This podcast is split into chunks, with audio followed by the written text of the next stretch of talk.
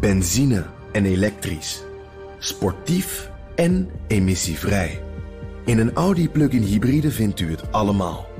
Ervaar de A6, Q5, Q7 en Q8 standaard met quattro vierwielaandrijving. Wat u ook zoekt, u vindt het in een Audi. Audi. Voorsprong door techniek. Postma in Amerika. Joe Biden is één jaar president van de Verenigde Staten. This is America's day. This is democracy's day. A day of history and hope, of renewal and resolve.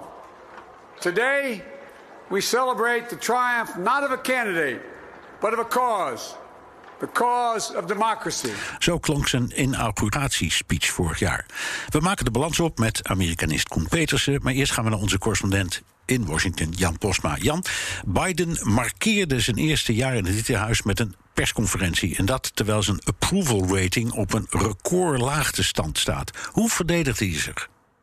Nou, hij begon natuurlijk heel positief met de dingen die hij bereikt had. Hè, de vaccins, het corona-hulppakket. Uh, hij, hij, noemde al die dingen, ging hij uh, nadrukkelijk voorbij. Hij vatte dat samen als uiteindelijk een jaar van uitdagingen... maar ook een van vooruitgang. Maar hij ging ook in de aanval. En dat uh, paste, vind ik wel heel goed bij de toon... die hij ook in zijn laatste toespraak had.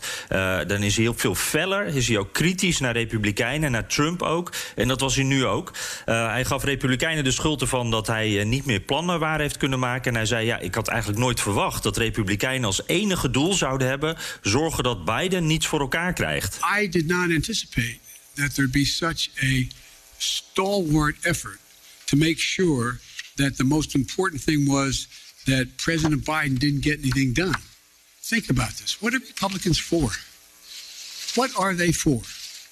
Name me one thing they're for. Ja, ze zijn eigenlijk alleen maar tegen dingen, zei Biden. En daarna ging je ook nog even tekeer over Trump. Uh, hoe dat nou kan, vroeg hij zich af. Dat een man die niet meer president is... nog steeds zoveel invloed heeft in die partij. En ja, hij heeft natuurlijk gelijk. Mitch McConnell heeft letterlijk gezegd... Uh, de Republikeinse leider, mijn enige doel is... Bidens plannen tegenhouden. Maar ik moet zeggen, ik geloof er niets van dat Biden zo naïef was... dat hij uh, dit niet aan zag komen. Want ik denk dat iedereen, ook wij hier in Nederland... wel voorspelden dat dit zou gebeuren. En uiteindelijk schuift dit dus ook allemaal maar een beetje af. Ja, die persconferentie had een recordlengte. Dat zorgde ook voor wat onverwachte vragen en antwoorden. Ja, het uh, duurde bijna twee uur. En dat is toch voor een uh, presidentiële persconferentie wel echt heel lang. Uh, zijn voorganger had daar ook een handje van natuurlijk. maar voor beide helemaal, want hij doet dit soort dingen niet zo vaak. en hij deed eigenlijk zelf nu, zorgde hij ervoor dat het langer werd. En, en het was wel iets geks, want hij koos er dus zelf voor... maar hij genoot er niet echt van, zal ik maar zeggen. Hij, hij, maakte wat grapjes over hoe lang hij er al niet stond. Maar was on ondertussen soms ook wel echt ongeduldig. En hij kreeg niet de indruk dat hij het leuk vond om daar te staan. En ik had het idee dat hij ook wilde laten zien dat hij best dat uithoudingsvermogen heeft om dit zo lang vol te houden. Dat hij een punt wilde maken. Uh, maar na een tijdje was het uh, lijstje met namen van journalisten uh, die een vraag mochten stellen was op. En, en werd het meer improviseren. En kwamen dus ook wat meer conservatieve media aan het woord. En kwamen er ook wat vervelende en lastige vragen voor Biden. Kwam niet altijd even goed uit. Um, en, en hij kwam er ook vooral niet altijd even goed uit. Maar deze vond ik wel heel grappig. Dit is een verslaggever van Newsmax.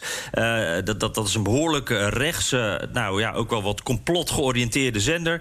Uh, die praten heel langzaam en heel, heel lang ook om Biden uiteindelijk te vragen waarom hij denkt dat zoveel Amerikanen twijfelen aan zijn geestelijke gesteldheid. En die ellenlange vraag, die heb ik er even afgeknipt. Die, die was echt treiterend lang, duurde bijna een minuut. Uh, maar hier is het laatste stukje met Bidens heel korte antwoord. Why do you suppose such large segments of the American electorate have come to harbor such profound concerns about your cognitive fitness?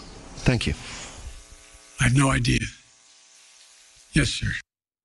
Ja, yes sir. Snel door naar de volgende. Vond ik wel een mooi moment. Dit was de langste vraag veruit met het allerkortste antwoord. Ja, Biden staat er dramatisch voor in de peilingen... maar hij gaat een paar dingen anders doen, zegt hij.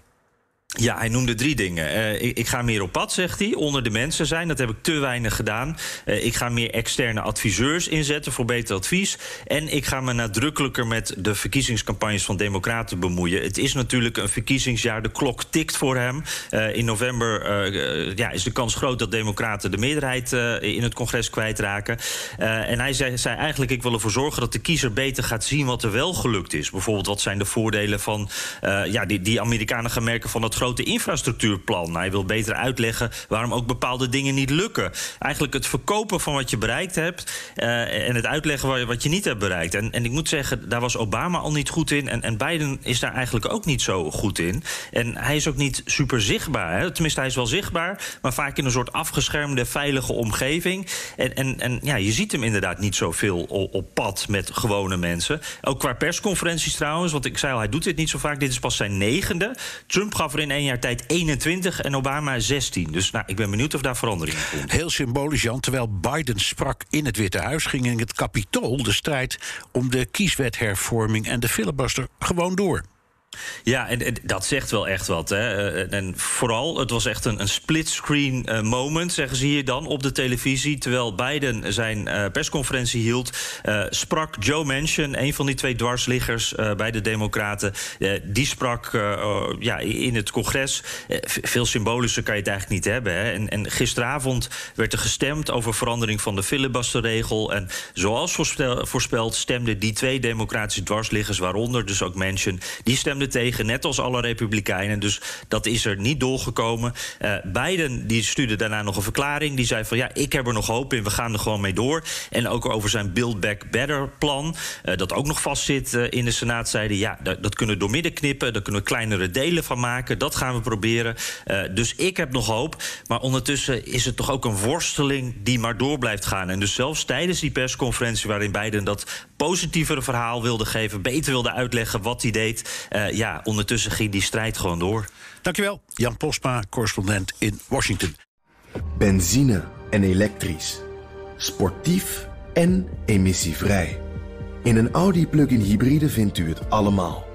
Ervaar de A6, Q5, Q7 en Q8 standaard met quattro vierwielaandrijving. Wat u ook zoekt, u vindt het in een Audi. Audi. Voorsprong door techniek.